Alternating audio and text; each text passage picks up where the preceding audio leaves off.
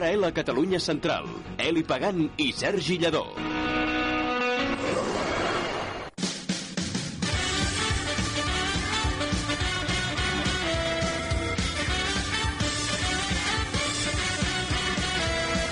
Bienvenidos al Club de la Comedia. Con todos ustedes, Eva H. Avui recordem el Club de la Comèdia, un programa que ha estat emès per totes les cadenes habides i por haver a Espanya.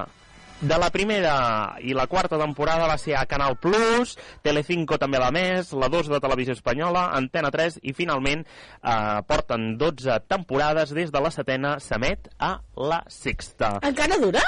No, Ah. no se sap si tornarà, si no, perquè les últimes dues temporades van ser allò que en diguem Un xasco. un xasco, perquè va marxar l'Eva H. Ah. Aleshores, Eva H ha estat Agafar la gran presentadora, exacte, la gran presentadora per excel·lència d'aquest format que ens va deixar grans moments. Un programa que es gravava en diferents teatres, va ser gravat a l'Alcázar de Madrid, al Victòria de Barcelona, també al Calderón, al Coliseum i al Nuevo Apolo de Madrid. Uh, Eli, ens mm, un programa en el que participaven molts monologuistes, hi havia aquesta presentadora que es anava intercalant amb d'altres convidats, personatges famosos que portaven els seus famosos, els seus monòlegs damunt de l'escenari. I et faré una pregunta, Eli, tu dilluns on vas anar? Vaig anar dilluns. Què vas anar a fer-te? Arreglar-te-la? A l'esquena, sí. Vas anar? Vaig anar al massatgista.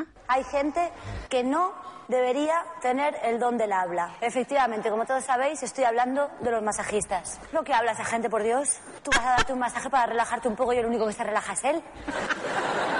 Yo, yo salgo más tensa de lo que entro. Tú entras allí, ay, hola, ¿qué tal? ¿Sabes? Como si fueran gente normal. Además ponen una música y como...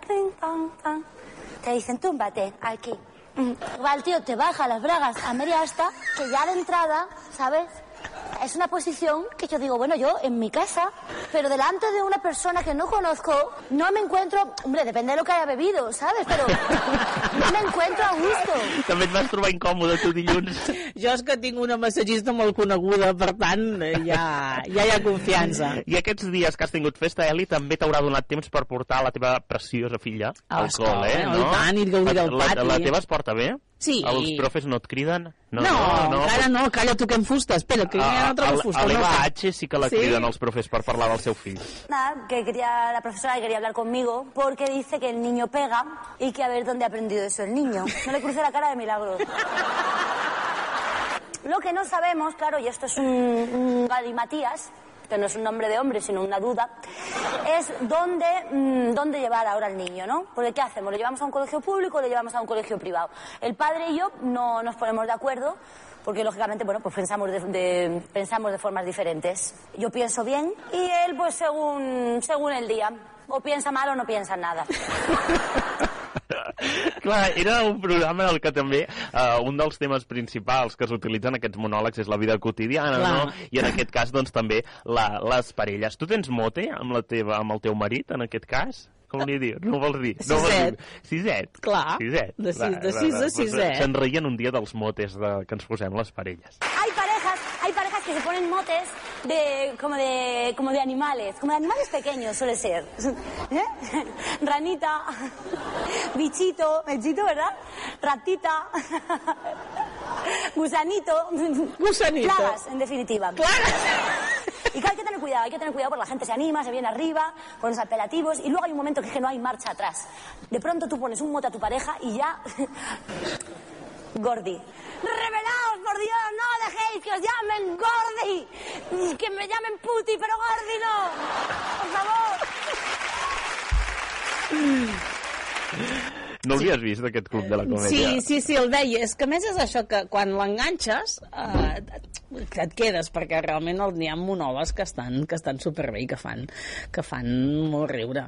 molt, molt, hi va haver molt enganx en aquest programa, sobretot als principis. Hem de parlar de que la cinquena temporada va fer un 20% de mitjana d'audiència, però tot va anar baixant perquè tampoc, eh, quan va entrar la sexta, eh, les temporades anaven a trompicones, mm, canviaven molt el dia i l'hora... Jo crec que el problema d'aquest- el problema d'aquests programes és que no tenir mai una, un, un moment fixe de- A més, d'emissió, en algun moment ho emetien els divendres, després va començar a créixer el Rojo Vivo i van ficar la sexta columna, que és una versió de l'El Rojo Vivo, després els diumenges, però clar, tornava l'Ébola i ho treien, i a l'última temporada, la dotzena, amb l'Anna Morgade va tenir un 6% de mitjana. Imagina't la davallada. Clar. Però ens deixava grans moments quan hi havia l'Eva H. i també parlava un dia de fer anys. Los 26, a partir de los 26 ya dices, uy, estoy mucho más cerca de los 30 que de los 20. ¡Hola! No hay que dramatizar, solo es el principio del fin. Nada, hay gente que empieza a agobiarse.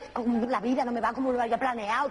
Relájate, Mari Nieves. No, yo tengo una amiga que, está en un momento pues, de, mucho agobio, de, co- de cocimiento interno, porque ella tenía planeado ser madre antes de los 30, antes quería llevar un año casada, un par de, años de cohabitación en el pecado y antes un largo noviazgo. Que dice tía, no me da tiempo, no me da tiempo. Y le dije, tranquila, tranquila, por Dios.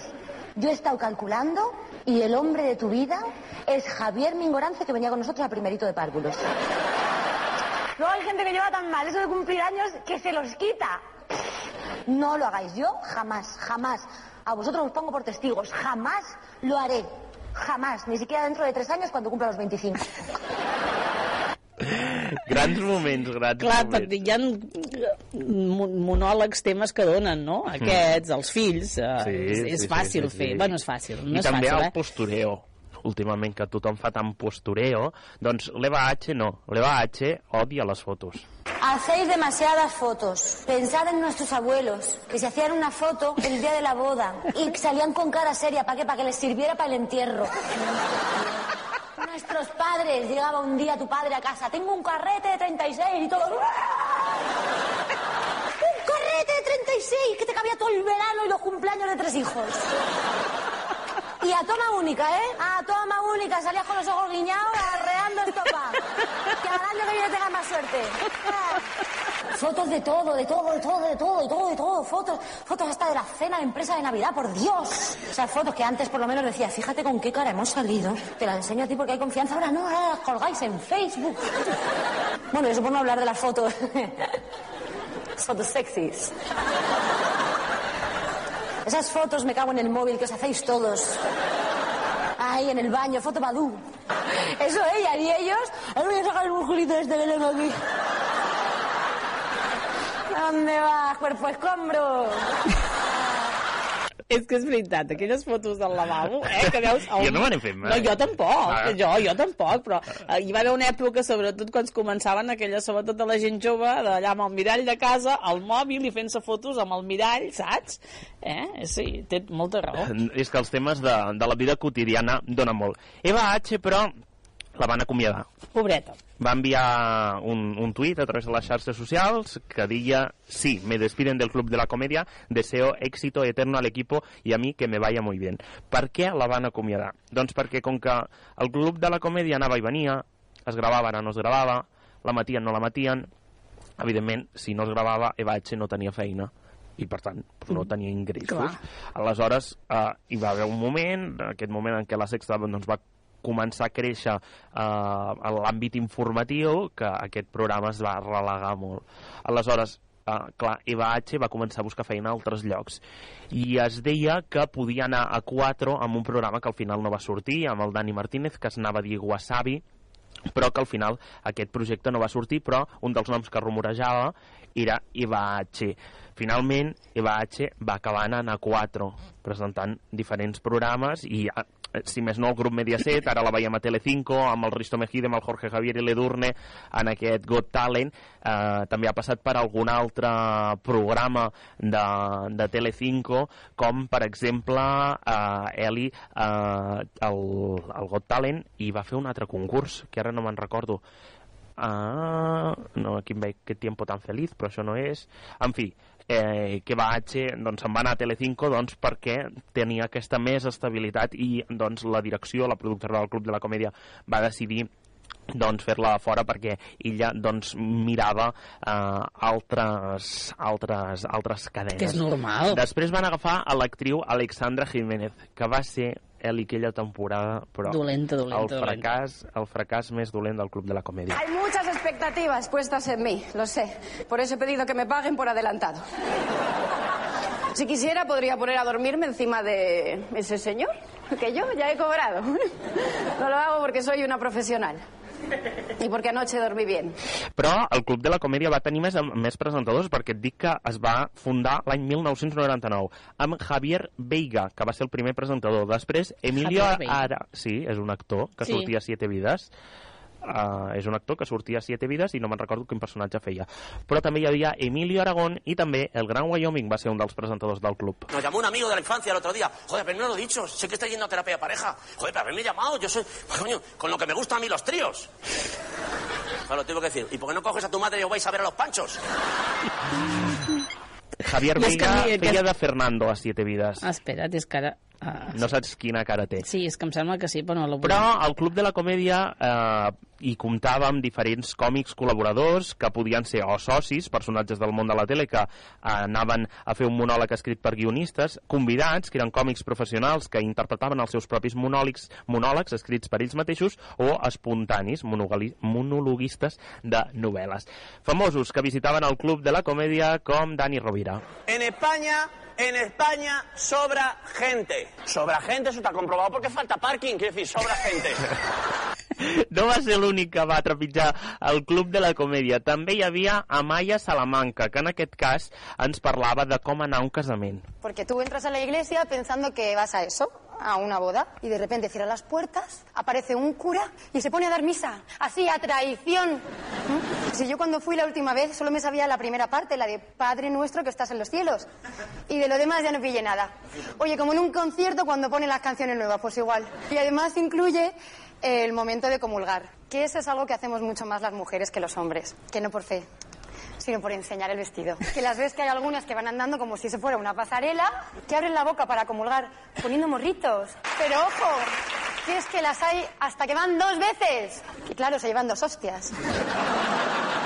No va ser l'única que va trepitjar el Club de la Comèdia com a convidada, també l'actriu germana de Paco León, Maria León, que en aquest cas ens parlava sobre conduir i sobre recuperar el carnet un cop te l'han tret.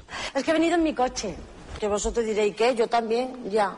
Pero a vosotros no os han quitado el carnet. No penséis mal que ya lo he recuperado, ¿eh? Qué, qué- qué sufrimiento tan grande, que seis meses sin, sin él, conduciendo disfrazada. Me quitaron y a los tres días eh, me volvieron a parar y me lo pidieron. Digo, oiga, vamos a ver, hace tres días me lo quitáis. Hoy me lo pedí. Quedé así un poco loca, dije, no me lo habréis perdido, ¿no? Me lo quitaron por una tontería, fue por una apuesta. Concretamente por dos guardias civiles apostados en un cruce. No les vi, no les vi, me lo llevé por delante. Ellos a mí tampoco, ¿sabes? Pues la cosa es que los 12 puntos del tirón. Lo mismo que le dieron a uno de los guardias civiles al tirarse la pilota para que no le pillara. I aquí té més gràcia, eh? Sí. No, la Maria Salamanca a mi m'ha costat més. En canvi, la Maria León, no ho sé, o el Gran Wyoming. Javier Veiga, l'home de la Mar Tazas, per Sí, sonava, que no veritat. et sabia de Hi havia molts monòlegs molt bons que es poden recuperar tot a YouTube i que si tens una mala tarda, posa-te'ls perquè arribarà Arriba una estona. una estona i no podràs parar. El Club de la Comèdia.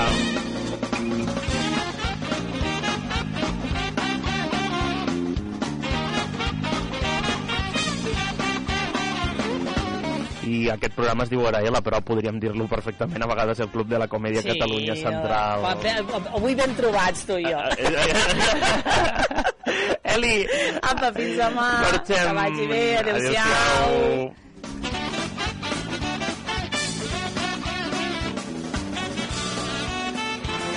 Cadena Ser.